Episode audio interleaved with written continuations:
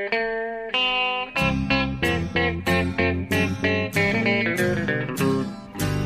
out there, we're on the air. It's hockey night tonight. Tension grows, the whistle blows, and the puck goes down the ice. The goalie jumps and the players bump and the fans all go insane. Someone roars, Bobby scores at the good old hockey game. Oh, the good old hockey game is the best game you can name.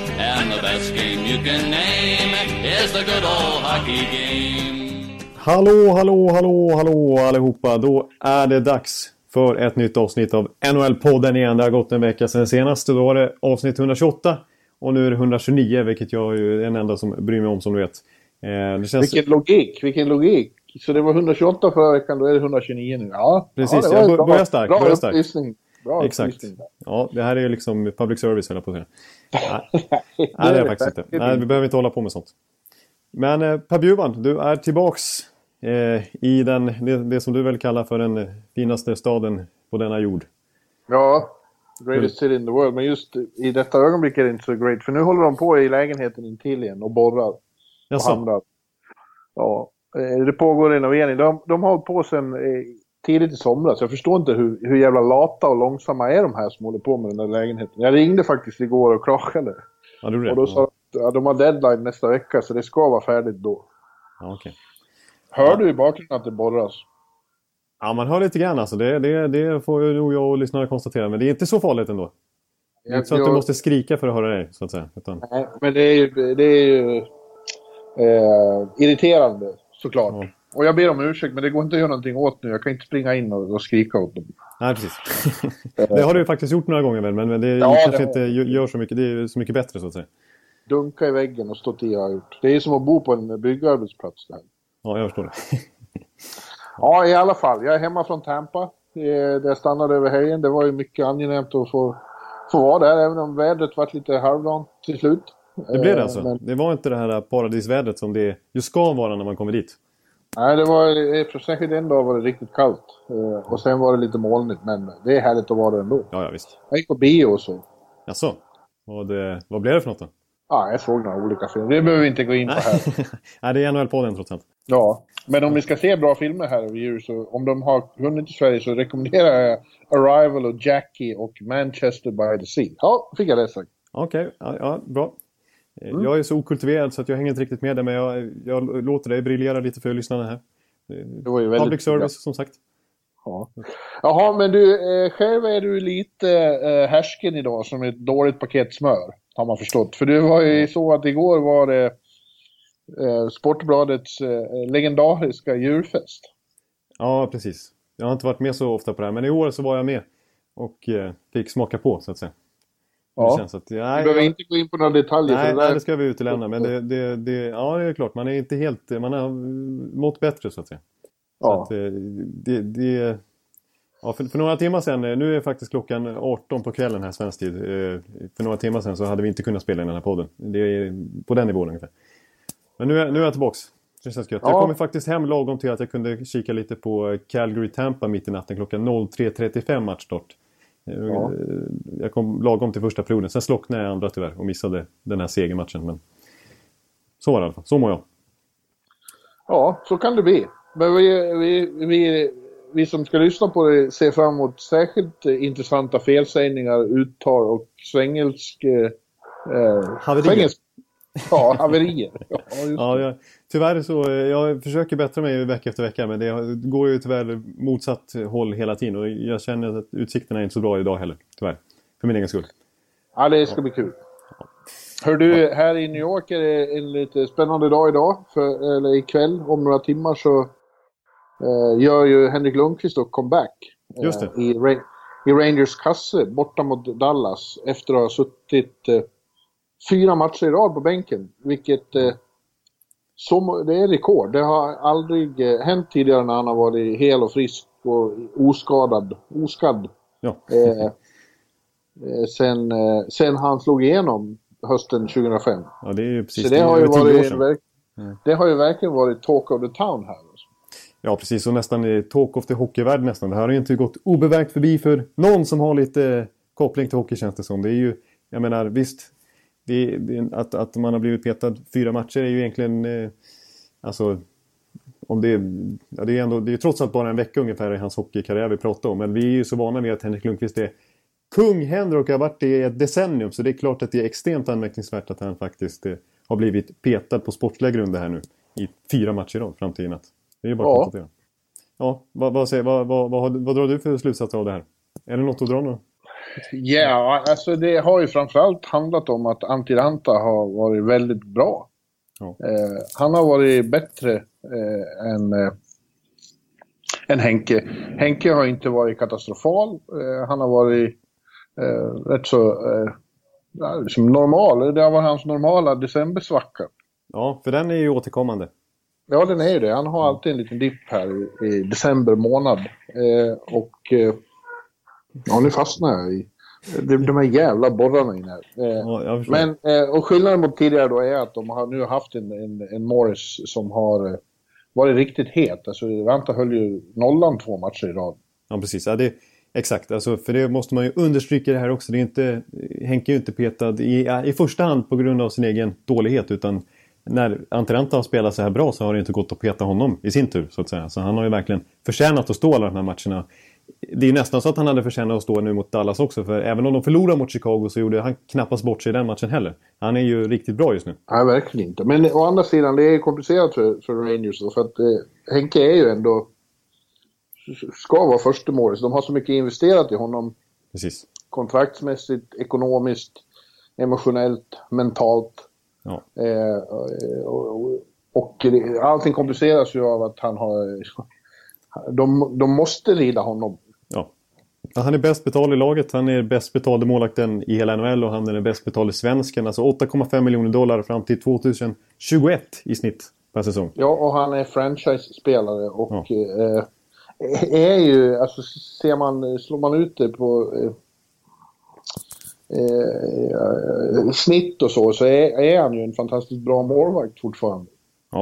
Eh, det gäller bara att, att få honom att, att komma, komma igång. Ja, precis. Eh, vakna till igen på det alltså det, Men en märklig detalj med Lundqvist så, som eh, noterats lite de senaste dagarna och som vår vän så, eh, poddlyssnare Tobias Pettersson varit noga med att poängtera också. Det är ju en, ett stort Rangers-fans och ett, en, en, en stor förespråkare för Henrik Lundqvist. Jo. Ja. Även ja. statistiskt sett och gräver och, och, och har sig för att hitta, alltså, och hitta ju statistik som underbygger Henrik Lundqvist storhet så att säga. Men, men en, en märklig tendens har ju varit, och som var även under Camp, när Camp Talbot var backup, var ju att Rangers av någon märklig anledning ofta tätade till försvarsspelet när backupen stod i mål. Det var färre skott på mål mot både Ranta och Talbot. Medan Henke har, liksom, har en större workload när han står. Det, det, det, det hänger med på honom lite grann i försvar. Det är liksom kollektiva försvarsspel på något vis. Och sett till de här tre första matcherna som Ranta vann då i rad så fick han nästan tio skott färre på sig än de tre föregående som Henke stod. Ja. Eh, vilket ju ändå är anmärkningsvärt. Ja, i och för sig. Det finns ju den här teorin om att, eh, om att spelarna eh, i Rangers blir eh, Eh, de tajtar till det när det är backupen som står. Ja. Eh, för att de är så, om inte annat så undermedvetet känner att det är tryggt när Henke är där så de tar, slappnar av lite mer. Ja. Eh, han, jag har ju pratat med honom, jag har gjort en lång intervju den här veckan. Mm. Och han har själv ingen han tycker det är svårt att analysera så. Men Jesper Fast, den gode Nässjösonen, ja. tyckte att det fanns åtminstone viss relevans. Viss relevans ja, mm. i den teorin. Ja. Eh, och alltså... eh, ja, det kanske är så, men det är ju i så fall som sagt undermedvetet. Ja. Sen, men sen är det väl så också att eh, Alltså det kan, det kan man ju se även om man inte är målvaktsexpert. Att Henke Lundqvist har ett speciellt sätt att spela på också. Alltså han är ju inte modern i den bemärkelsen att han kanske utmanar skytten lite grann. Och, och, utan han är ju väldigt restriktiv. Han, ju, han står ju långt in i kassen och har ganska små rörelser och arbetar på ett speciellt sätt. Ehm, så det är klart att det kanske påverkar försvarsspelet på något vis. Att man har en målakt som arbetar helt annorlunda. Jo, än vad kanske den normala målakten gör så att säga. Det, är nog, det, det stämmer nog också ja. Ja, nu, nu ska han, det har ju varit, har ett jävla hallå här, får man lov att säga. Ja. Eh, New York Media är ju verkligen, de har gjort det till en målvaktskontrovers. Ja, ja. Henke själv, när jag intervjuade honom då, det går ju att höra eh, mellan raderna om man känner honom så hör man ju att eh, han är fuming. Mm. Eh, han är arg, eller arg är han inte, han är revanschlysten. Han, han tycker inte att någon har gjort fel. Han fattar ju liksom att Ja. Ranta har varit het och måste få chansen. Det är kul för honom också, de är goda vänner. Ja, ja, men han gillar inte påståenden, alltså folk som eh, slänger sig med att Henke är slut bara för det här. Liksom. Nej, det är väl klart. Alltså. Men, eh, och han tycker det har blivit lite uppförstorat. Eh, Och det blir det ju lätt. Det blir dramatiskt. Liksom. Ja. Han säger det här är en vecka av 82 matcher. Exakt. Eh, och... Ja, eh, men jag frågade ju också eh, om hur det känns innerst inne. Det skulle man ju aldrig få ett ärligt svar av en målvakt Nej. på riktigt. Och när man sitter i båset. Om man, om man verkligen är glad när konkurrenten håller nollan två gånger i. Ja, exakt. För det borde ju finnas någonting som gnager där då liksom. Man- Ja, innerst inne måste det fan också. Ja. Men- Fast nej, han säger att han bara fokuserar på det. Han kan kontrollera sitt eget spel. Och, Viktigast är att laget vinner. ja, men så måste det ju vara. Liksom. Ja. Eh, Man kan ju inte ställa till så det blir dålig stämning i omklädningsrummet. Nej, är så är det inte. Men eh, ja, nu ska han spela och jag, alltså... Han eh, tonar ner det också, men det måste ju vara viss press nu då när han kommer tillbaka. Så måste ju ha en bra match. Ja, absolut. Nej, nu är det några timmar kvar så vissa av er kanske vet svaret där. Men det känns som att ja, det, det hamnar inte, i den här situationen har ändå gått så, så pass alltså långt. Jag säger inte att den har gått jättelångt att det här blir avgörande på något vis. Men den har ändå gått så långt så att det är inte bra där om Henke släpper in 5-6 mål i natt. Nej, Utan, eh, och enkla mål så det nej. får inte bli så. Eh, Och Dallas är ingen lätt mot. De är hungriga och vill, eh, jagar efter att komma ikapp i racet där. Precis, och det finns offensiv kapacitet bland spelarmaterialet de möter i natt faktiskt. Sannerligen. Ja, eh, frå- frågan är vad som skulle hända. Jag menar, eh, som, som vi sa, alltså han är ju första målis och eh, det kompliceras ju också av det faktum att eh, han har total no movement-klausul och, och det blir en expansion draft. Eh, vad, vad man kan konstatera är väl att de scouterna för Vegas förmodligen har sett det här. Eh, hur Ranta har varit. Precis, alltså exakt. För, du har ju skämtat lite med Lundqvist om att eh, det skulle vara gött om han kanske kunde hamna i Vegas. Då kan Ja. du flytta dit också kanske. Men eh, just nu känns det snarare som att ja, det är ju kanske blir Ranta som hamnar där. För att eh, de måste ju skydda Lundqvist med tanke på att han, hans klausul i kontraktet då. Eh, och jag menar som Ranta spelar just nu, han har också kontrakt över nästa år. Och kommer vara lämnas oskyddad då. Så det är ju en perfekt pickup om, ska, om man ska fortsätta med de här carry price-siffrorna som man har på 12 matcher den här säsongen. För Vegas nästa säsong. Ja. Jo. Så att... eh, Ja, det är ju en pikant situation på många sätt och, sätt och vis där faktiskt. Ja, men det har blivit int- intressant för er. Fnös Lindqvist också. men ni, Ja. ni har någonting att prata om och ställa frågor om. Va? Ja, ja, ja. ja. Det, det har vi. Det Det har har vi. vi i allra högsta grad. Det här, Ja. som du sa redan från början här, det har ju verkligen varit the story liksom i hockeyvärlden. Både på andra sidan, vilken sida av Atlanten man än väljer, så att säga, i hockeyvärlden. Den senaste Ja. veckan. För det är anmärkningsvärt. Ja, och det finns ju inga givna svar. Alltså, man får ju komma ihåg, han är 34 också. Ja. Eh, det är skillnad när man är 25. Ja. Absolut, det, det, finns ju, det finns ju något... Alltså det är klart det är naturligt att, att han inte kan eh, stå på... Att han liksom inte kan vara så briljant i ett decennium till direkt. Utan den här lilla utförsbacken borde ju börja liksom luta lite lättare neråt här för var år som går. Och det, bör, Ja. det, det, det måste man ändå konstatera att visst, han är inte riktigt lika het längre som han gör. Och det har blivit eh, med tanke på tidigare så gör han faktiskt lite mer märkliga ingripanden. Alltså att han kanske... Det, han är fortfarande väldigt bra men han, det är, han kanske inte riktigt lika tät längre med plocken framförallt tänker jag. Han släpper in lite skott på short side, alltså det som är hans sida. Med plocken där till exempel. Och det, han kan vara lite... Ja, det är inte riktigt den här extrema stabiliteten som har kännetecknat honom under hela hans tid i New York tycker jag. Ja, ja, jag säger igen, det är december. Så. De är ju också inne på att eh, redan från början att eh, dra ner hans antal matcher så att eh, han är fräsch till slutspelet. Ja, och det, det är positivt. Det, det eventuella slutspelet. Eh, ja, för att för, förut har han varit, för några år sedan var han ju närmare 70 matcher. Nu, nu vill man ner det till 55-60 och det är ju korrekt. Och det är ju en, en, för laget är det ju väldigt bra att ha två ja. två målvakter av den klassen som Antti nu har visat att de har. Ja, exakt. Nej, det är, så, så är det faktiskt om man ska se det lite nyktert på det viset också. Man, om man inte bara fastnar med att Henke Lundqvist inte har varit petad några matcher av sportsliga grunder så är det faktiskt positivt för Rangers att de har ju två superval just nu. Men de än slänger in så känns det ju ganska tryggt. Ja. ja, som sagt, den här matchen ikväll blir ju extremt intressant. Den går att följa på bloggen här i, från korresoffan. Ja, vad trevligt. Ja. Det, det är bara att stanna uppe. Kika, följa. 2.30 var det en svensk tid, det får ni inte missa. Nej. Ekeliv himself kommer väl att sätta sig och titta, Absolut, jag. absolut. Ja, det kan du räkna med. Men du, vad gäller deras chanser att gå till slutspel då, så ja, just nu ser det ju gott ut, men de är i en, i en division där, som ju är extremt, extremt bra just nu. Ja, ja det, ju, det, måste man ju konstatera att eh, vi pratade till exempel förra veckan väldigt varmt om Philadelphia Flyers. Vi, det hade ju inte gått obemärkt förbi oss då att de hade vunnit 6-7 raka matcher. Eh, och vi, vi försökte analysera hur det kunde komma sig att de hade hamnat i den här extrema formtoppen igen som de hade i slutet på förra säsongen. Eh, ja. Men nu har den, sen, sen, vi pratade för en vecka sedan så har de ju bara fortsatt att vinna. Nu är de uppe i 10 raka segrar. Och ändå ja. så är de inte etta i divisionen för det är sån extrem konkurrens där. Och lag som bara vinner och vinner. Ja, de har 10 raka, tog tionde raka igår kväll. Pittsburgh har 7 raka.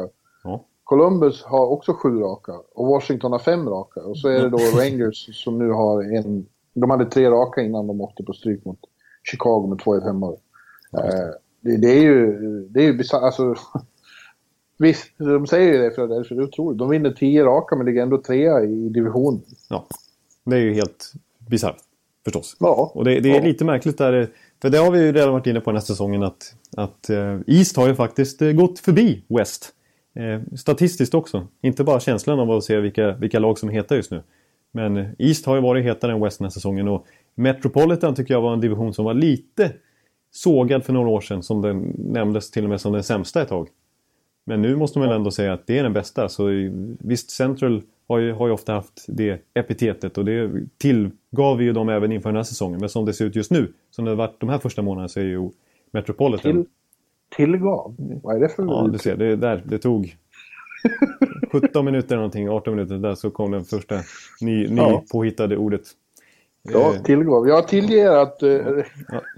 Ja. att eh, ja, men jag tycker att det har varit en stark division några år här. Så jag menar, Pittsburgh, Rangers och Washington har ju varit väldigt bra. Ja. De har ju varit contenders i flera år. Absolut.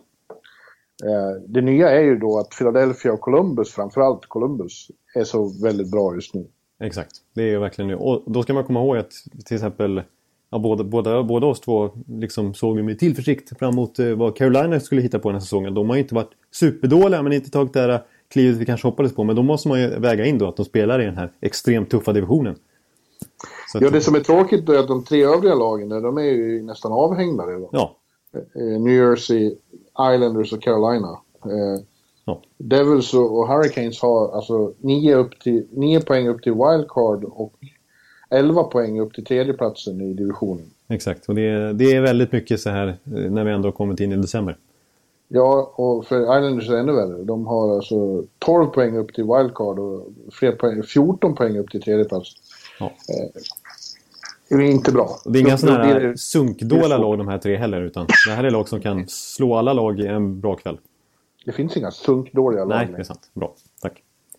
Eh, intressant med Washington tycker jag. De har vi pratat väldigt lite om. Ja, vi har inte haft eh, de, det uppe på De är så vana att de ska liksom ha 70 segrar i rad och vara överlägsna i, i ettor i sin division. Ja.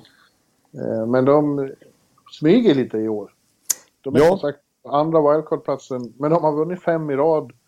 Eh, och när de när de spelar eh, som de ska så är de ju fortfarande väldigt bra. De har varit lite ojämnare känns det Ja exakt, jag har en känsla av att de har varit lite svårt att ladda inför den här grundserien eftersom att de var så brutalt överlägsna i grundserien förra året när de ju vann President's Trophy fullständigt överlägset. Och så ja. gav det ändå bara en, en, en torsk i andra rundan i slutspelet mot Pittsburgh. Att de inte riktigt orkar med en 82 matchers eh, grundserie med samma extrema liksom överlägsenhet som, som i fjol. Eh, men eh, Men nu, nu, ser, ja, nu börjar det se rätt bra ut igen här. För nu har de faktiskt fått igång, alltså det är många spelare som inte som har underpresterat där i början. Alltså Kuznetsov hade ju länge ett väldigt svagt poängfacit. Nu har han faktiskt börjat göra lite poäng. Eh, Justin Williams likaså. Eh, ja, och Ovechkin är det svårt att säga att han har eh, dålig, men han har ju haft... Eh, en liten slamp? Eh, ja, och, och, har varit, haft perioder när han har, varit, när han har känts liksom mer irriterad än bra. Barry Trotz fick ju till slut ta honom i hampan och skälla ut honom för väldigt mycket onödiga utvisningar. Ja, exakt. Precis, och han har haft, det är i och för sig tycker jag är signifikativt för Ovechkin. För så, så, även om han slutar på 50 mål nästan var och varannan säsong så har han ju eh, ett antal perioder varje säsong när han, inte, när han kanske inte gör ett mål på 10 matcher någonting. Och sen plötsligt ja. så bara börjar han ösa in igen. Och så har det ju varit nyligen också. Att han var mållös länge. Och skriverier kring det. Men eh, och en som faktiskt varit väldigt mållös den här säsongen. Som också inte alls har tagit det kliv som Washington förväntar sig. Det är ju Burakovsky. Nej, han har en slamp igen och var till och med petad senaste matchen. Precis, mot Islanders fick han sitta på bänken och jag har sett att hans speltid i matcherna dessförinnan har ju varit nere på 8-9 minuter. Alltså typ såhär Jared Boll-speltid. Ja. Det, det, är lite tråkigt faktiskt för att jag hade nog... Eh, jag tyckte han gjorde en bra framsteg förra säsongen och man hade ju nästan förväntat sig att det skulle bli... Alltså att det skulle kunna till och med lossna på riktigt den här säsongen. Nu är hammaren på gång här ute. Ja, det är den. ja, jag kan inte göra något. Ja, nu är de trötta på NHL-podden. Mm. Uh, ja, men det är ju något med Burakovskis spel som... Det går ofta väldigt upp och ner. Alltså han har långa sträckor när han är fantastisk. Men sen kommer långa sträckor när, när han eh, liksom går ner sig på något vis. Ja. Det är faktiskt anmärkningsvärt att han, apropå mål, målsnålt då, så han ju, gjorde ju två mål i premiären mot Pittsburgh. Sen dess har han inte gjort ett enda mål. 26 raka matcher utan en kasse för hans del. Ja, det är märkligt. Det måste vara frustrerande för honom också. Det blir ju till slut att han ja, tänker det blir, på det. Det blir ju huvudgrej. Håller i klubban för hårt. Ja, då, då har det gått så långt så att det blir extremt mentalt det, snarare än att det är någon slags brist på kvalitet egentligen. Utan det här är ju en självförtroendefråga liksom. För hans landsman Marcus Johansson är det precis tvärtom. Han, precis. han har fått medgång och gjort eh, väldigt mycket mål. Så plötsligt vågar han skjuta i alla lägen. Och, och eh, ju mer man skjuter desto bättre blir det. Ja, det är ju en en gammal, en gammal klyscha, men den är ju mycket korrekt. tack, tack Jonathan för att du påpekade. Ja. nej, men nej, jag, jag som har eh, Braden Holtby i mitt fantasylag har varit lite besviken på honom här i början av säsongen också. Men eh, inom den här fem matches sträckan så har han sett riktigt het ut igen också. För jag måste erkänna, eller erkänna behöver jag inte göra, för det här har ju varit väldigt tydlig med inför säsongen när vi skulle tippa då vilka som vinner Stanley Cup och då har jag ju på någon anledning då tippat att Washington ska göra det till slut. Ja, det kan ju vara så att de har lagt upp det annorlunda nu också. Eh, för att det här med att vara så fantastisk i, i, i grundserien eh, leder ingenstans. Det gäller att vara bra i vår. Gå ja. till slutspel och sen, och sen leverera. De, det skulle kanske vara bra för dem om de fick undvika Rangers och Pittsburgh på något vis. Ja. I sin division hamna på, på wildcard och hamna i Atlantic istället. Och spela mot ja. Montreal, Ottawa, Boston och sådana. Det, det kanske nästan... skulle passa Washington bättre. Ja, exakt. För de... Nej, precis. Ja, nej, för att, eh, men jag tror faktiskt, ja, när du säger det faktiskt så får jag en liten känsla av att det kan vara bra för dem det här att inte vara den här eh, grundseriemaskinen som de är kända för och sen bara choka ihop utan att de faktiskt tuffar på lite och, och, och liksom får, som, som du är inne på, att de smyger med lite snarare den här säsongen och kanske inte har riktigt samma förväntningar när de kliver in i slutspelet som de brukar ha på sig och som de inte minst hade förra året. Ja, precis. Så att det kanske, ja, nu när man sitter och är lite förundrad så kanske det, det kanske är positivt i längden faktiskt. Ja. Men som det är nu, om de ligger kvar på andra platsen på wildcard så skulle det vara Pittsburgh de mötte. För Pittsburgh har gått upp i ledningen i... i man övertagit ledningen från Montreal i, i hela konferensen. Just det. Så det skulle vara Pittsburgh, eh, Washington, Montreal, Columbus, Rangers, Flyers, Ottawa, Boston. Ja. ja. Tampa utanför, konstaterar vi. Ja, det tystar mig ner tills vidare. Jag trodde det skulle komma ett usch. Ja, jo, det, det, det är verkligen usch. Men eh, de vann ju åtminstone här om natten mot Calgary. Så det är lite... Ja, jag är väldigt eh, splittrad människa just nu. Jag är inte nöjd med situationen. Men det såg lite bättre ut i alla fall. Men ja. jag, vill, jag vill stanna upp i, vid ett lag faktiskt som du var inne på du och som du såg mot just Tampa på plats. Det var ju ändå Pittsburgh. Jag skulle just göra den övergången själv tänkte ja. jag. Snyggt. Jag känner på med det. Förstört. Förlåt. Ja. ja, vad gäller just Pittsburgh då, mm. som gick upp i ledning här, så såg jag ju de andra matcherna jag såg i Tampa var ju Pittsburgh eh, Lightning och, och då var ju Tampa mycket bättre än vad de var i den hemska matchen mot Vancouver. Ja. Men de hade ändå inte mycket till chans skulle jag säga, för Pittsburgh var... Pittsburgh började närma sig den typ av spel de spelade under sista två månaderna i fjolårets grundserie och sen eh, i slutspelet. Ja. Eh, och eh, då är de in i helvete bra. Alltså. jag har ju sagt att de ska upprepa och just nu känns det inte som att jag har någon anledning att, att, att fundera mer på det tipset. Det, jag, jag, jag tror stenhårt på det faktiskt. Ja, jag håller med dig. Alltså jag, som sagt, jag har ju då eh, sagt Washington och man kan ju inte hålla på och vara ombytlig och hitta på olika anledningar och sen eh, byta lag. Men jag måste säga att, eh, att de som känns som den starkaste favoriten just nu det är Pittsburgh. För de är hur bra som helst alltså just nu. Och alltså, vi måste ju stanna upp för Sidney Crosby. Men innan vi gör ja. det så, så, så, vill jag ju bara säga att i, liksom, det är Crosby som får alla rubriker. Mycket rättmätigt nu. Men i skymundan lite grann så gör ju faktiskt Jevgenij Malkin en jättebra säsong. Phil Kessel är uppe på över en poäng per match. Den kedjan nu där, där som var originalkedjan innan Bonino kom in mellan Kessel och eh, eh, Hagelin så var det faktiskt Malkin som, de tre som gjorde, ja, som gjorde supersuccé innan Malkin blev skadad i, i slutet på grundserien. Eh, nu, ja. nu är de tre otroligt bra ihop igen. Eh, alltså den bredden de har på forwardsidan, till och med en sån eh, alltså 40-årig Matt Cullen är ju fortfarande riktigt bra. Eh, och jag menar Chris Letang har inte så stora skadeproblem den här säsongen och spelar mycket. Och Olle Mäta har ju spelat alla 30 matcher hittills. Och så är det faktiskt så att eh, sen Matt Murray kom tillbaks så har ju han överglänst Mark Andre Fleury igen. Och de har väldigt ja. bra målvaktsspel. Så att, eh, det, det, är ju ett komplett lag. Ja det är det, men det såg vi redan i, i, i slutspelet. Och det är i princip samma lag. Ja, eh, precis. Det, det, det otäcka för konkurrenterna är att det pratas om att de är ute efter att kanske göra en likadan trade igen, få in en back av, av Trevor Dalys sort då. Och det har ju pekats på Johnny Oduya till exempel. Ja. Eh, så att de skulle stärka upp det ytterligare. Ja, ja då blir det ju... Ja, då, då, då falnar mitt Washington-tips ett snäpp till måste jag få konstatera. Och vad gäller eh, Crosby så måste man ju, vi måste ju komma, alltså han leder nu målligan med 21 fullträffar på eh, 24 matcher. Precis, det är liksom Mike Bossy-siffror på 1980-talet. Ja, Eh, och det är ingen tillfällighet då tydligen, för enligt eh, Hagelin som jag pratade med nere i Tampa så, så har han ju tränat väldigt mycket på sitt skott senaste året. Ja. Verkligen öva på att få till bättre. Och det är en sån grej man verkligen kan öva på. Ja, det är ju inte allt. Det är, det är klart det finns en extrem talang i det, men det är också någonting som, det är verkligen en del i spelet som det går att nöta in så att säga. Ja, det mesta andra har ju Crosby liksom i, ja det är sånt som inte går att träna, som spelsinnet och, och sin allmänna briljans. Ja. Eh, men han, och skottet har inte varit dåligt förut heller, men han bara övar på att göra ännu, ännu bättre. Och vi såg ett exempel på det i den där Tampa-matchen. Jag såg att du på Twitter pekade på det, hur, hur fantastiskt ja. snyggt det var när han dammade in ett direktskott där. Ja. Ögonblicket innan slog han undan Brian Boyles klubba. Ja. Sen kom pucken och pang. Och, exakt, och det är, så här, det är som, som du säger, alltså det ena går ju att nöta in. Det där skottet är ju perfekt. Eh, det har ju nött, det är liksom så här, det är alla timmar han har stått och alla dygn som han har stått och nött på det här skottet. Men just det här att han slår bort klubban sekunden innan och liksom känner till situationen innan markeringen ens har koll på det. Att, han, att han lever i en annan värld på något vis.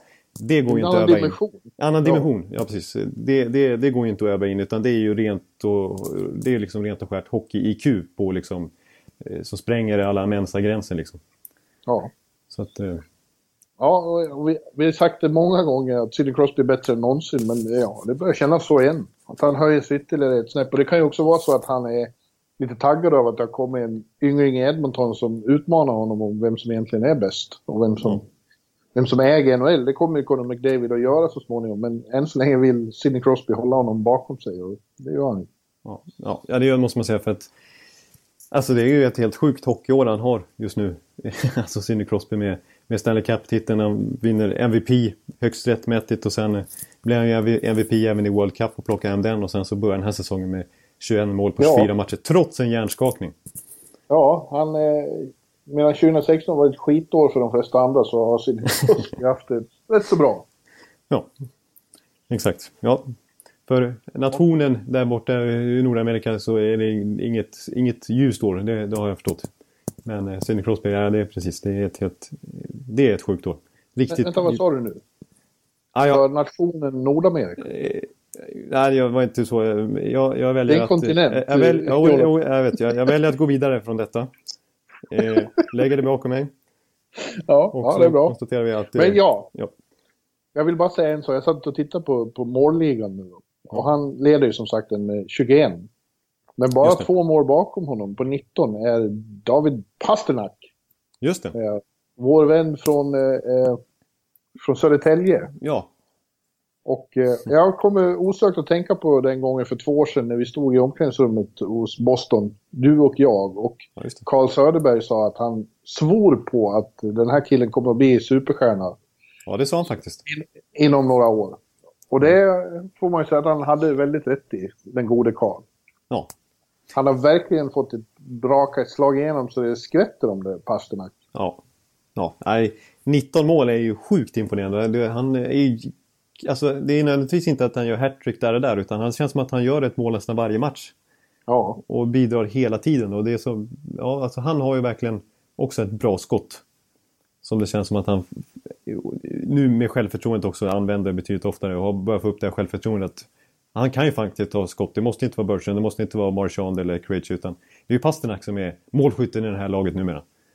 Eh, men, ja. men också hans storlek och hela det här liksom, den här unga entusiasmen, den här skridskoåkningen. Han har ju han har ju ett bra paket alltså. Han har ju liksom för, för det är klart att även idag, ja paket förlåt, nu blev det väldigt konstigt. Jag, ja, jag, jag kände. Inte komma, jag tänker inte... Nej, nej det, blev, det blev väldigt konstigt igen alltså. Ja. Ja, ja, just, just, Hur mycket såg du i Ja, just det, just det, exakt. Jag kanske såg lite för mycket. Men det, det, var inte riktigt eh, det var inte riktigt det jag ville lyfta fram så att säga. Men, men eh, han, jag, ville, jag ville konstatera bara att, jag, att, att, att han är ju storväxt och snabb, vilket är en dödlig... Storväxt, ja. Nej, men nu Nej, får, men, okay, okay, får vi skärpa ja, oss här. Ja, nu får vi skärpa oss faktiskt. Ja, han, ja, han är bra i alla fall, David Pasternak. På isen. Ja. Ja. ja, det är roligt att se. Och eh, det är bra för Boston som har...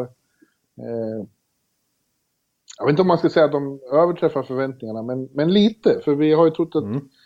de kommer... Och nu är inte säsongen långt ifrån klar och det är de sista veckorna de brukar ha haft problem. Men det, det ser ändå okej okay ut och Tokarask är ju väldigt, väldigt bra också. Precis. Är... Jag såg en fantastisk räddning han gjorde mot Montreal häromdagen. Ja. Då var det verkligen målvaktsmatch mellan honom och Carey Ja, det kan man ju konstatera. Ja. Jag tycker det känns som Toka är uppe i... Utan att ha all statistik framför mig. Nej. Eh, så känns det som han är lite Vestina-värde. Just nu, om det var Vestina just nu, då tror jag det skulle vara Price, Dubnik och Rask. Ja, det skriver jag under på faktiskt. De tre är ju så fruktansvärt bra just nu och det visar verkligen hur Ja, det här är också en klyscha, men alltså hur extremt viktiga målvakten är för sina lag. Alltså hur, ja. hur verkligen extrem skillnad det är på att ha en medioker målvakt och en supermålvakt. Liksom. Det frågade faktiskt, eller jag pratade med Niklas Hjalmarsson om det eh, när de var här då, häromdagen, Chicago. För de är ju väldigt nöjda också med att även de har visat sig ha två väldigt bra målvakter nu när Crawford är borta. Han fick ju blindtarmsinflammation och opererades. Så i hans frånvaro har Scott Darling varit väldigt, väldigt bra också. Ja. Och, och, och Hjalmarsson sa det, skillnaden med riktigt bra Morris och inte ha en, det, det i, in the end så är det 15-20 poäng. Ja. Nej men det kan jag konstatera för att det, alltså, för det är ju inte bara det att man, isolerar målvakten i det faktum att han gör massa räddningar eller inte utan det, det har ju, det har ju sån psykologisk påverkan på försvarsspelet på hela laget. Att det är så demoraliserande att släppa in enkla mål och att inte känna en trygghet där bak. Det påverkar ju hela, liksom, hela laget. Eh, för det är ju väldigt mycket mental sport också. Känner man att man inte har en trygghet där bak så blir det inget bra. Eh, har man, jag menar, liksom, det blir en helt annan dynamik och synk i laget om man vet att om man har trygghet i alla lagdelar. Så att, och inte minst i målet naturligtvis. Så, att, ja. så är det bara. Ja.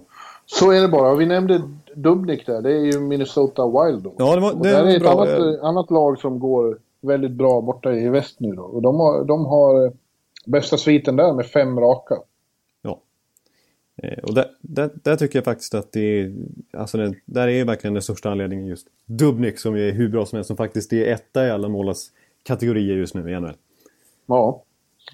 Eh, ja, han har såklart stor del i det som det vi just har pratat om. Men det är inte bara han. Det är Bruce Boudreau också som ja. Eh, har snabbare än jag trodde det skulle gå gjort ett, eh, ett lite annorlunda hockeylag av det här manskapet. Ja, precis. Och som å, återigen vi konstaterat just det här med att han har ju satt försvarsspelet. Alltså han, verkar, det, han måste ju vara en skicklig hockeypedagog på något vis. För var han en tränare, oftast är det ganska bra material han har att jobba med. Men det här Minnesota-materialet var kanske inte kanske det sämsta rent på pappret han har haft. Eh, och ändå så lyckas han impl snabbt implementera ett system som alla, och även Scott Stevens ska väl ha lite beröm där, som, som alla har köpt och som är så väloljat och vältrimmat och fungerar så smärtfritt nästan. Eh, ja. Redan nu.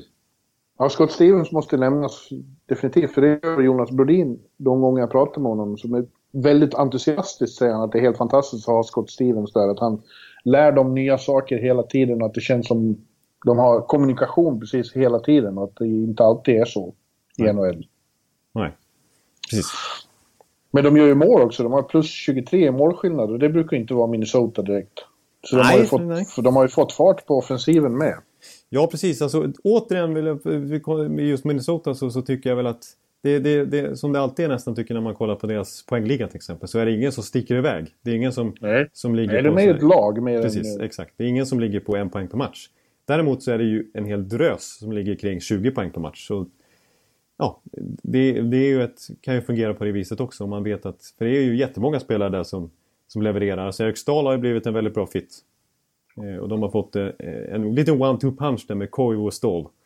Ja. Det är ju inte på Malkin Crosby nivå men det är i alla fall en rutinerad eh, och vad det känns som ganska taggad eh, veteranduo den här säsongen.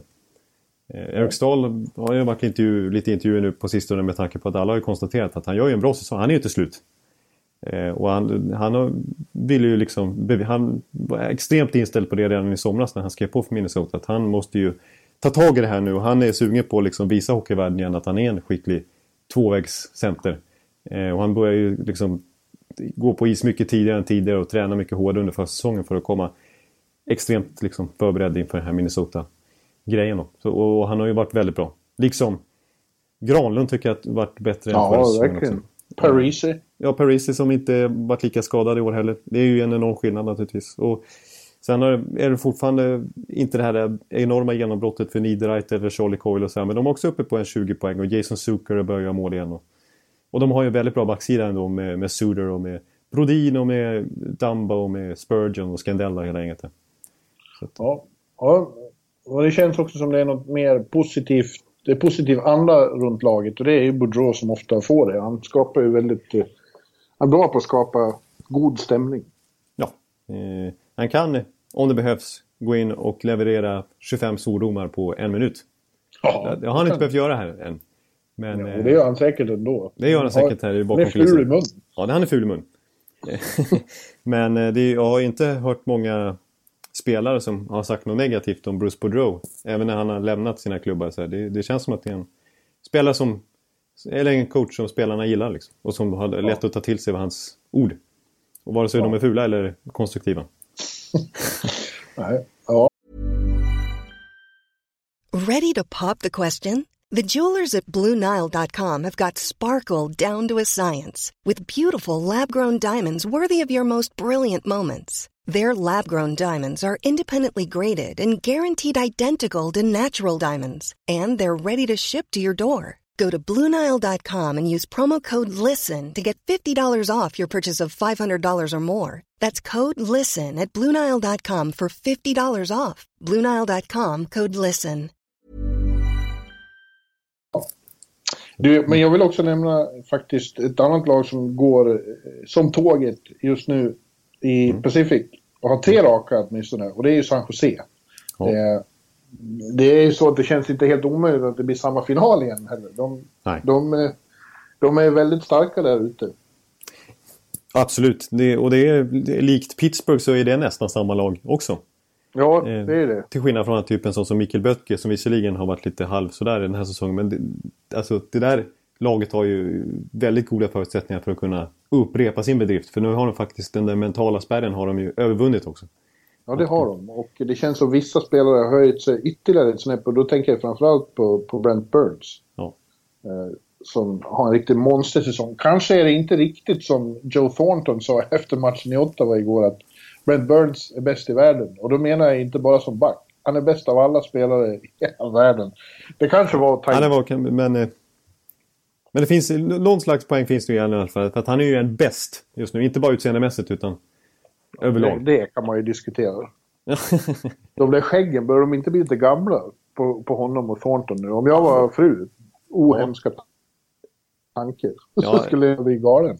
Alltså det är ju en eh, infektionshärd. Om du sätter in handen där så måste du ju ta liksom sån här, vad heter det, antispritgrejer och grejer för att... Eh, antisprit! An, nej, antisprit. antisprit. Du, alltså det, du, skulle behöva lite antisprit ja, Jonathan. Ja, jag skulle verkligen behöva antisprit just nu.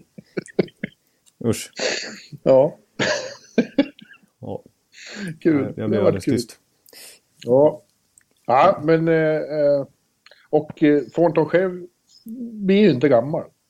Nej, det är något märkligt med honom att han, han är ju en speciell människa på något vis. För att han är ju minst lika bra. Där snackar jag om liksom... Alltså, en... Det är så konstigt för han, han har ju en fysisk konstitution som känns... Den typen av spelare brukar ta slut eh, fort när de kommer upp i en viss ålder. Precis, han är stora... ju urtypen för den, eh, alltså praktexemplar på, på, på varianten som inte klarar av tempot längre när de kommer över 32-33 års ålder med den kroppen. Liksom. Så. En, eh, för att komma över på ett annat lag vi ska prata om, en som däremot faktiskt, ja, det är ju plågsamt att säga, men en som har sett lite långsam ut, som börjar se ut som sin ålder, är Jaromir Jagr. Tyvärr. Ja, faktiskt. Han har bara... Då och då och då, så det, går, det börjar gå långsamt. Ja, det, det, han, den där som jag brukar kalla det, årets, liksom, eller världens bästa hockeyröv. Som han har levt på. Eh, inte minst senaste åren liksom, att han kan skydda pucken så otroligt bra genom att bara visa rumpan ungefär. Eh, det funkar inte riktigt lika bra för han eller någon i Florida. Ja. Vad sa du nu? Ja, nej, jag går vidare. Jag, man får spola tillbaks. Han bara visar rumpan, då åker alla därifrån. Det var det ja, ja, ja, jag, jag kan inte riktigt formulera mig idag känner jag. Men, eh, nej, men det, det är ju anmärkningsvärt i alla fall att han, det är inom citations, citationstecken bara 15 poäng från, från Jagr och det är inte någon stark produktion heller från eh, Alexander Barkov. Han delar ju första ligan och poängligan med Jonathan Marchessault. Och visst, Marchessault har ju varit en succévärvning men det säger ju ändå lite grann om, om utvecklingen den här säsongen för Florida Panthers. Att, eh, att, ja, men eh, innan, vi ska ju dock säga om Jagr att nu mm. är det... Inom några matcher så kommer han ju förmodligen och komma ikapp eh, Messier på andra platsen i tidernas poängliga. Ja. Det kommer, eller åtminstone någon gång den här säsongen kommer han rimligen att gå om och det är ju en fantastisk eh, milstolpe. Ja, det är, det är bara att konstatera. Han är ju en sån super Hall of Fame att det, det, de får nästan inrätta en till Hall of Fame för de verkliga liksom, riktiga super Hall of Fame. För där, den kategorin tillhör ju Jaromir Jagr liksom. Ja, där kommer han ju vara nästan för evigt. Liksom, ja. För att eh, eh ingen kommer hålla på lika länge och eh, ja, han kommer inte att komma upp på första plats nu. Det är inte, det är inte tusen poäng till till eh, Nej, det, det, Gretzky. I den här takten så, så ser det tufft ut faktiskt. så, så. Ja, om man ska göra tusen poäng i år, då blir det bra. Ja. ja, då kan det nog vända lite för Florida. Ja, ja. men eh, den, den gången det sker, alltså, det, är en, det är en verklig milstolpe för hela NHL faktiskt, att någon kommer upp i den poängskörden.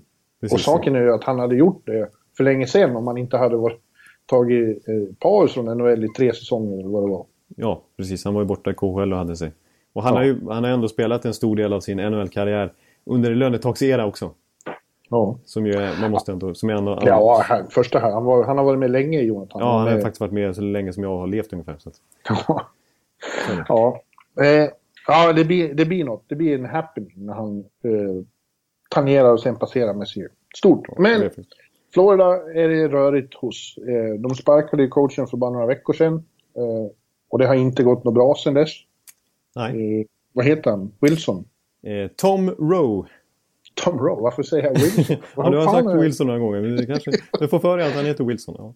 ja, jag har ett hjärnsläpp. Ja, Rowe. Ja, han har inte fått någon ordning på laget.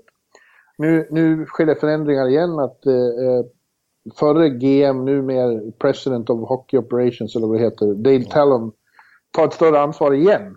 Och ja. ja, eh, det finns mycket att säga om det, men det är typiskt Florida oavsett var man står i den här debatten, eh, att, eh, att det inte blir någon ro och harmoni och stabilitet i den klubben någonsin. Nej, när det till slut ser ut att verkligen bli det så, så liksom fallerar det ganska pladask. Ja. För nu är det ju, ju superkaos lite grann känns det som. Ja visst, alltså kollar man på, på underliggande siffrorna sen han tog över. Det har ju bara, ja, kollar man rent krasst så har de ju bara vunnit då två matcher på åtta försök. Jag, jag är ledsen men det är ju fortfarande det viktigaste. Precis, det är det viktiga. Det, det, är, det är där man ska börja. Det är där man ska börja så att säga. Vad de andra siffrorna betyder är ju, är, är ju, är ju eller bagatellartat i sammanhanget då, när, när det handlar om att ta segrar. Men ja. visst, de har, de har skjutit väldigt mycket och de har trots att de bara vunnit två matcher så har de alltså liksom dominerat eh, possessionmässigt och sådär. Eh, däremot ja, har de haft... det, här, det här är ju, de här siffrorna och statistiken den ska ju leda till eh, framgång, annars är det meningslöst. Precis, och jag kan, jag kan väl tycka att det finns, alltså om, om man ska peka på en grej som, som, eh, som jag tycker är tydligt och som det kändes som att Roberto Longo tyckte var tydligt här om natten när de blev förnedrade av Minnesota just. De förlorade med 5-1 där och han blev vansinnig, han blev utbytt och slog sönder klubban och stannade mm. inte ens kvar i, i båset utan rakt ut i omklädningsrummet. Det var att, alltså, för, för att Jandel och de här killarna, Matheson, Pissick, Demers, Ekblad till viss del också. Det, det, är ju skickliga backar som, som, som och det, det, syns ju både på isen och liksom i de underliggande siffrorna att de, de är bra med pucken och får transportera den och, och skapa upp spel och, och få laget att spela mer offensivt än defensivt. Däremot är de ju inga superstjärnor eh, utan puck. Eh, kanske alla gånger. Eh, alltså Keith Yandel är en typ exempel på att det är, det är, en, det är en stats darling. Men bland liksom lite mer på den andra extremsidan, liksom lite dinosaurier som Brian Burke, så är ju, det är ju en hackkyckling då för att han är för, mm. för tunn och för soft. Eh, mm. Och för liksom mis, alltså mistake prone, måste säga. Och det, det, finns, kollar man på deras backsida, det, är ju, det, det, är ju väldigt enkelt att göra mål på Florida om man är nära kassen. Alltså returer, eh, liksom eh, närspelet kring Roberto Longo är ju inte bra. Och visst, målags, hans målvaktsprocent är ju inte rolig just nu heller. Han är ju ner på de här senaste matcherna sen Tom Rowe tog över. Ligger de inte ens på 90% i målvaktsprocent. Men eh, mm. Så det är neg negativt. Men det, kollar man på målen så är det ju det är för enkelt att göra mål på Florida. De är inte tillräckligt... Det måste ju ändå finnas lite robust, robustitet. Hittar på ett ja. nu. Eh, eh, förlåt. Jag orkar inte liksom sortera i hjärnan utan jag, jag tar första bästa som dyker upp. Okay. Men jävlar vad du pratar nu. Jag försöker få in en, en, en syl i vädret ja. men det, jag får ingen chans. Nej, precis. Men nu, nu, nu, nu kan du få ta Jag tror jag fick fram min poäng lite grann i alla fall. Att det kanske är lite ja. för enkelspårigt. Eh... Ja, det är ju vad Talon säger också då nu. Att vi måste, vi måste bli svårare att spela mot. Men, nu, nu kommer mitt stora men här. Ja. Eh, bristen på tålamod är ju också väldigt eh, i ögonen fallande. Vad har Rowe haft på sig? Två veckor? Ja, exakt. Tre veckor. Två och en halv.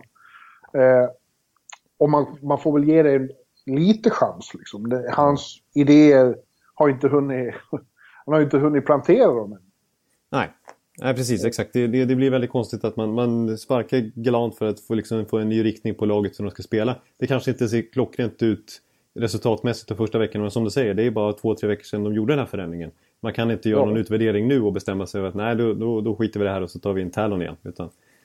Nej, och jag säger också, även om den här säsongen inte går som man hoppas, så är, är inte heller det hela säsongen än Nej. värt att döma ut det nya tänkesättet på. Man måste ju ge det, man måste ge det lite tid. Ja, exakt. Ja, visst, Brian Burke och såna här, de kommer ju att fnissa. De kommer ju kötta och peka på sina grejer nu och, och peka med ja. stora fingret. Ja, att både Arizona och Florida går då. Men, men det, sånt här händer ju inte på, på, på en dag. Nej. Utan Till och med jag säger det som är någon slags mittemellan old school och uh, nyfiken på, på det nya tack. Så jag står ju någonstans mittemellan. Ja, precis. Men så mycket förstår jag att, att, att uh, man, får, man måste ge det tid. Ja, precis. Eh, för att det, nej, det är klart. Det är, I Arizonas fall, men inte minst nu i Floridas fall, det, det har alltså bara gått några veckor sedan. Sen, sen Rowe har fått ta över skutan och verkligen försöka implementera det. Mitt i en säsong när de behöver poäng, när det är väldigt stort resultatfokus också, då är det svårt att gå in och ändra ett helt system. Ja, och dessutom så ska vi, det poängterar vi förut, att eh, hur man bygger ett lag kring, kring den här statsfilosofin, det har ju mer att göra med eh, personalen än sättet att spela. Exakt. Precis. Och det, det finns mer att göra där i, som Florida vill göra för att verkligen få... För att den här filosofin de försöker bygga upp ska bli ultimat. Ja, men eh, naturligtvis ligger det då någonting i att det inte ska vara lätt att spela mot dem. Det är inte bra. Nej, för det syns kanske lite tydligt just nu i alla fall. Och jag menar inte att till exempel att Goodbranson-traden var dålig för den skull. Eh, han är ju, är ju känd för att vara liksom en stor stark back men eh, kanske inte... Ja, definitivt inte någon bra spelare när det kommer till offensiven eller att spela sig ur egen zon. Utan egentligen enbart, hans enda styrka är väl nästan framför kassen. Ja, in med Willie Mitchell igen. Få Ja. liv i honom. Ja, nej men det, det, det är ju... Ja, alltså mycket av den här avancerade statistiken bygger ju, tycker jag, på när man har pucken. Kanske inte så mycket när man inte har pucken. Så här. Eh, och det, det, det, när, det är just nu när Florida inte har pucken som de inte är bra tycker jag. Däremot är de fortfarande väldigt, väldigt bra när de har pucken. Att- Ja, vad ska vi prata mer om då, Jonta? Jonte. Jonte, är ja, du känner att jag är Jonte, lite form... någon- Ja, Jonta, det, det, det är inget som jag... Eh, Nej, det, är, det är galning från hörnet i, i Örnsköldsvik. Är det så? Okej. Känd från, känd från eh, Viasat. Jaha, det är den som är Jonta. Ja, just det. Det är ju Ja. en mäktig snubbe i och för sig. Ja, det är Kramer. Kramer i Seinfeld i hockeyvärlden. Ja, just det. Ja, det är, mm. Men, eh, men jag tycker vi kan väl nämna bara... Jag, jag tycker vi kan runda av snart för jag känner att jag inte är i kanon i form alltså. Men eh, Ja, det är kul, men när du är lite härsken så här. ja, jag känner mig riktigt stökig. Härsket smör från, från Örby. Eh, Ja, men vi, Men vi, eh, vi, vi måste nämna en, en happening i veckan var ju också eh, Pa- Patrik Laine. ja, Eller hur, hur nu Jarko säger att vi ska säga. Patrik Laine säger jag. Han gjorde ett episkt snyggt självmål. ja, precis. Det var ju klass på det här liksom. Han, eh, för han gör ju mål. Han har ju gjort 17 mål den här säsongen. Och alltså verkligen eh, tog succé direkt här. Men, men det är uppenbart så kan han ju även göra... Han gör ju mål lite här och där liksom. För att det där var ju ett målskyttmål i egen kasse faktiskt. Jag vet inte om du såg det där, men, men eh, det var ju, de skyllde efteråt på att ja, han försökte rensa pucken och det blev fel. Men eh, tittar man på det så var det ju inte så. Det var, pucken kom, det var en öppen kasse. Han, han agerade på instinkt. Ja, Bara stängde in den. Om man ser att i en halv sekund så är han på väg att börja jubla också innan han inser eh, vad som har hänt. Ja, precis. Det, det, det är faktiskt lite en light-version av det här gamla klassiska Ja- Japan-målet i hockey-VM typ 2003 någonting. När en Ja. japan liksom bara dunkar in den i en kasse och jublar och sen två sekunder senare inser att han har gjort världens självmål. Det var, det, alltså, det var lite så på Patrik Laine också att man såg att hans spontana instinkt när han ser ett öppet mål och en puck, det är att den ska in där. Ja, Och det var det som fick, tog över handen. Så ser man, sen, får, sen ser man faktiskt lite grann att när, när, precis när han avlossar skottet så kommer han fram till att nej, kanske var lite dumt. men då har, hinner han inte ändra sig så det blir, det blir ingen klockren träff kanske men det blir ändå ett, ett bra skott. Eh, ja. Och han, när han väl har gjort målet så är det som du säger också att han är fortfarande inte helt säker på att han gjorde fel. Så det finns ju en instinkt där att man ska ju upp med händerna också när man har gjort mål. Men sen Ja. så kom man på att det där var inte alls bra. Och det var 3-2 dessutom mot Edmonton. Så det var ett ja, han mål. avgjorde Ja. Han blev ju game Ja. winning go liksom. Det var ju hemskt och tråkigt, men han fick ju alla.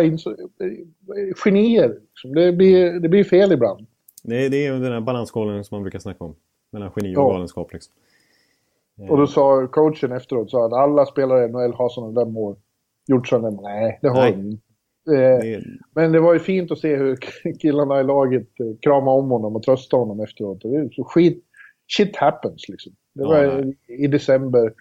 Eh, så småningom kommer han att kunna prata om det där och garva åt det. ja, exakt. Nej. Ja, jag har gjort likadant själv en gång när jag spelade handboll. Inga jämförelser i övrigt när jag var Alltså? ung. Nej. Vi, vi, vi brukade eh, på träning istället för att spela eh, vanlig handboll så spelar man något som heter droppboll. Alltså, Och det betyder att då måste man droppa bollen i backen och sen passa. Det var liksom reglerna. okej, okej, okej. Ja. Men det där satt så djupt i min hjärna så en gång när vi spelade match då plötsligt gjorde jag det. Jaha. Out of the blue. Och alla, hela, hela planen började garva åt. Sånt händer. Ja. Inga jämförelser gör vi. ja, ja, ja. ja. Jag tror ju nu ändå att, eh, eller ändå, eh, tack vare kanske rent av, att Line fortfarande är hetaste Calder Trophy-kandidaten. Det skulle jag vilja hävda. Ja, precis. Vi kan väl göra en liten avstämning där här nu igen. Hur det ser ut där med det här fantastiska rookie-året som det är.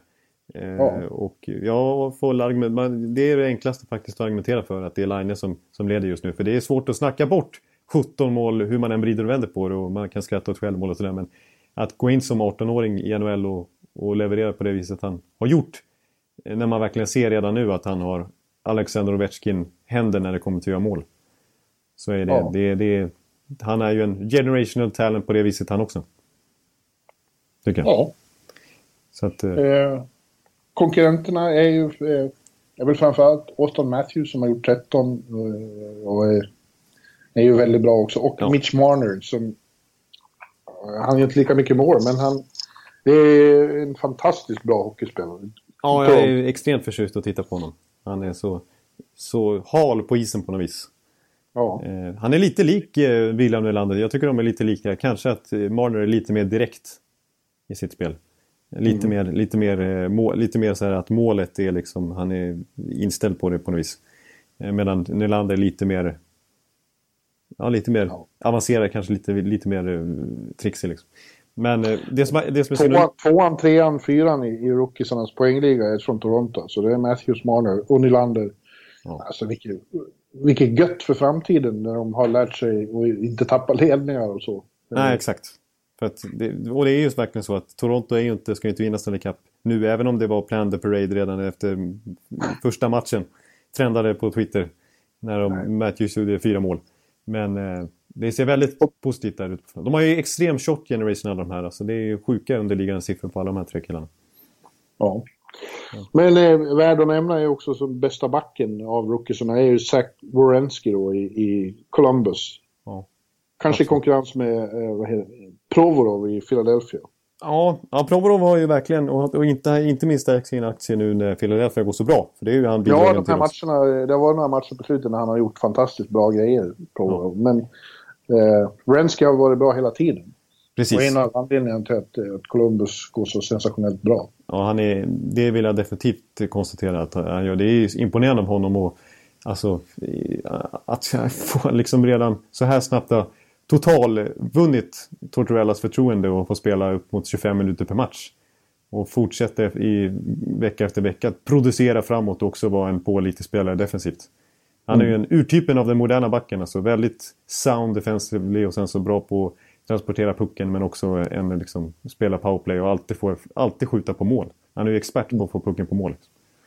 Eh, sen, mm. sen, sen måste man ju, en som helt glöms bort och som jag faktiskt inte tror kommer att eh, kanske bli nominerad heller, men som kanske förtjänar det på ett vis. För det känns ju inte som att han är en rookie med tanke på att han har vunnit Stanley Cup. Men Matt Murray är ju en väldigt duktig målvakt också.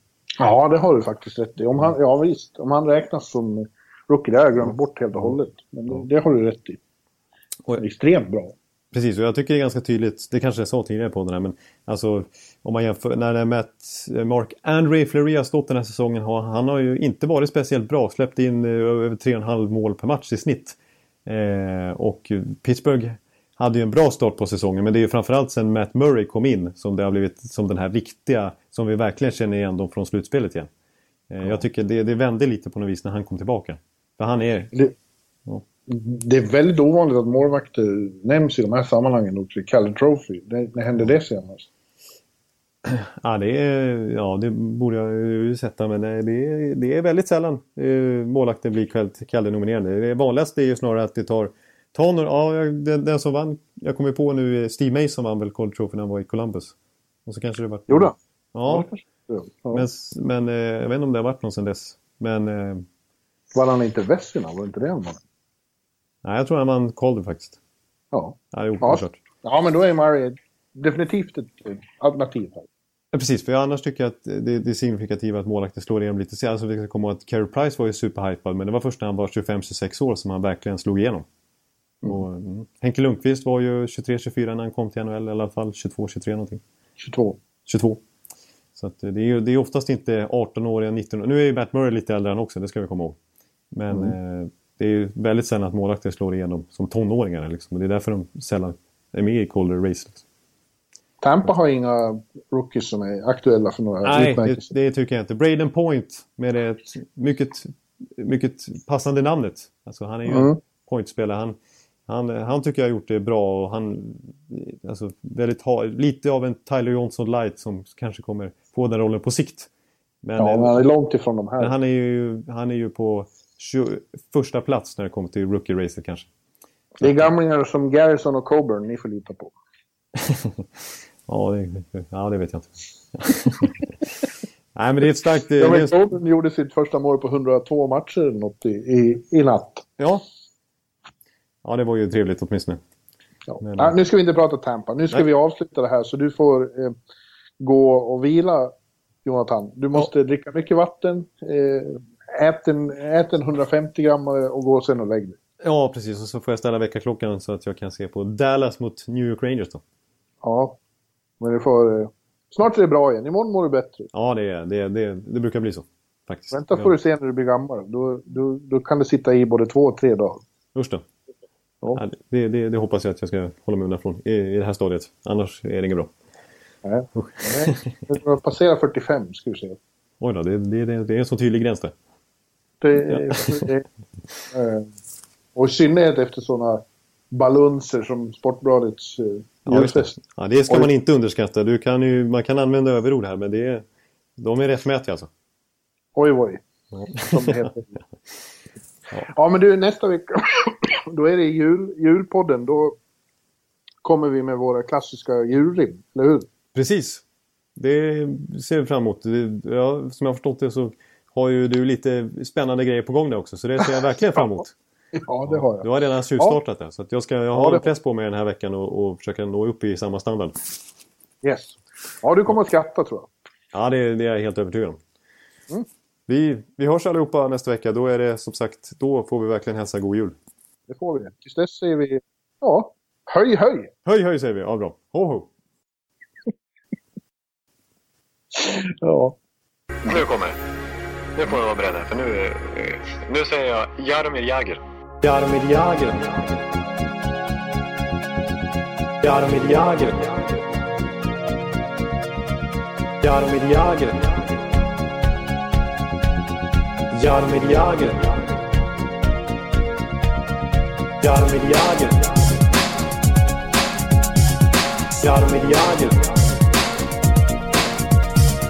Jaromir Jagr. Jaromir Jagr. Han har varit bra överallt han har varit. Han har varit älskad av lagkamraterna, av fansen, av journalister. Han är en av de bästa man kan ha att göra med på alla sätt och vis.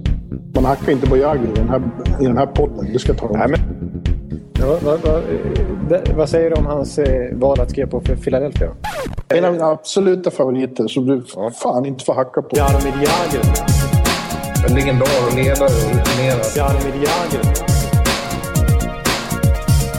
Jaromir Jagr. En legendar och ledare och rutinerad. Jaromir Jagr. Jaromir Jagr.